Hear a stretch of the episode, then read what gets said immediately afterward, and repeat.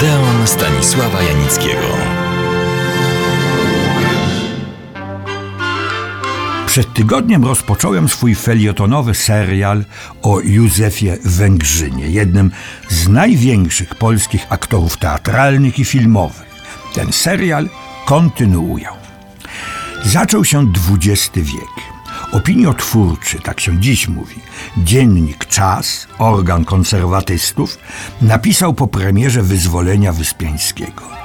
Z nowej obsady dramatu wyróżnił się bardzo korzystnie pan Węgrzyn, któremu przypadła rola geniusza włożył w nią całą siłę zapału młodego, gorąco rwącego się do sztuki talentu, a jeśli nawet nie utrzymał się w jednolitym tonie, uderzając od razu w bardzo podniosłą skalę, to w każdym razie dał dowód rzetelnego i artystycznego pojęcia swego zadania, co pozwala nie po raz pierwszy wróżyć młodemu artyście piękną na scenie przyszłość.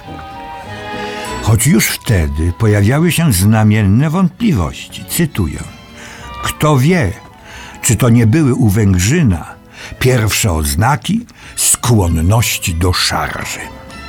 Jednocześnie pisano, że pewnego razu po spektaklu sam wielki Ludwik Solski podszedł po przedstawieniu do Węgrzyna, uściskał go w milczeniu po czym wycedził przez zęby. Jesteś nieposłuszny hultaj, ale nie ma co gadać. Masz chłopie talent. To fakt.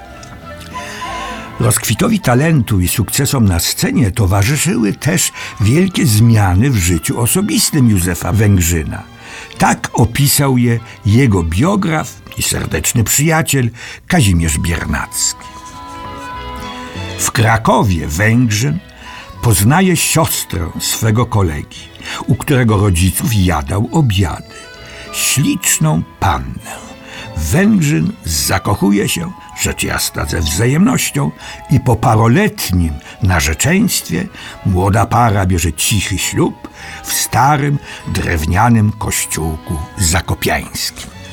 Naturalnie jest i jazda do Warszawy dla zaprezentowania rodzicom młodej małżonki. W końcu w Warszawie zapuścił Węgrzyn korzenie na trwałe. Jego wielkim sukcesem była rola Bryndasa w Krakowiakach i Góralach. Ten i dalsze sukcesy, jak pisano, zawróciły młodemu artyście w głowie. Węgrzyn, ufny w swój talent, obdarzony jakąś natchnioną intuicją, jakże często nie opracowywał szczegółowo swych ról. Wierzył w swój instynkt artysty.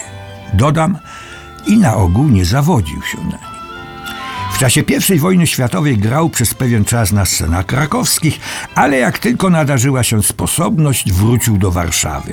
Nastał czas jego wielkich ról. Jedni pisali o nim z entuzjazmem, inni widzieli jednak w jego grze tendencję do zgrywania się. Z okazji innego przedstawienia pisano, że, cytuję, święcił rzetelny triumf artystyczny, ale jednocześnie zauważano też jego skłonność do alkoholu. Przyjaciel Węgrzyna tak to ujął.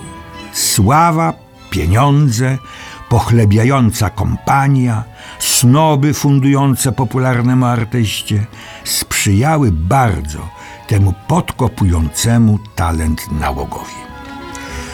Józef Węgrzyn tworzył wielkie kreacje, m.in. Gustawa Konrada w Dziadach, Króla Lira, Posa w Don Carlosie, grał Borysa Godunowa w Carze Iwanie Groźnym, czy rejenta Milczka w Zemście. W nawiązaniu do tej arcypolskiej postaci podkreślano jednak, że Węgrzyn bliższy był demonicznej postaci z głośnego filmu Fritza Langa Doktor Mabuse. Zahaczyłem już o film i zaraz do ról ekranowych Józefa Węgrzyna, które zresztą po dziś dzień oglądać możemy, przejdę, ale najpierw jeszcze jedna istotna informacja. By nie być posądzonym o stronniczość i plotkarstwo, zacytuję bardzo smaczną relację jednego z przyjaciół Węgrzyna. Trwają próby do sztuki Grzymały Siedleckiego sublokatorka. Aktorka grająca główną rolę zachorowała. W zastępstwie pojawiła się na próbach świeżo upieczona absolwentka szkoły dramatycznej Zofia Lindorfówna. Teraz już dosłownie cytuję. Węgrzyn był początkowo zły, że musi przychodzić znów na próby, że pewna jakaś idiotka, którą trzeba uczyć aktorskiego abecadła. Potem na próbach jakoś się rozkrochmalił. Przygarniał partnerkę, zwłaszcza w czulszych scenach, aż ją przygarnął na stałe. Nie było już mowy, by Lindorfówna oddała zastępstwo starszej koleżance, gdy ta wróciła do zdrowia. Zielona dzierlatka grała jeszcze kilkadziesiąt spektakli. W jakiś czas potem odbył się ślub w cerkwi na Pradze. Sublokatorka została głównym lokatorem i to bez urzędu kwaterunkowego. Sprawę załatwił duchowny, tylko Węgrzyn musiał się wyrzec katolicyzmu. Dodam tylko, że Zofia Lindorfówna była również wziętą aktorką filmową, innymi Iwonka, Halka, Róża, Trędowata. Po wojnie pojawiła się w kanale Wajdy jako kobieta szukająca córki. Jej małżeństwo z Józefem Węgrzynem trwało 15 lat. A o życiu filmowym i nie tylko Józefa Węgrzyna już za tydzień. Serdecznie zapraszam.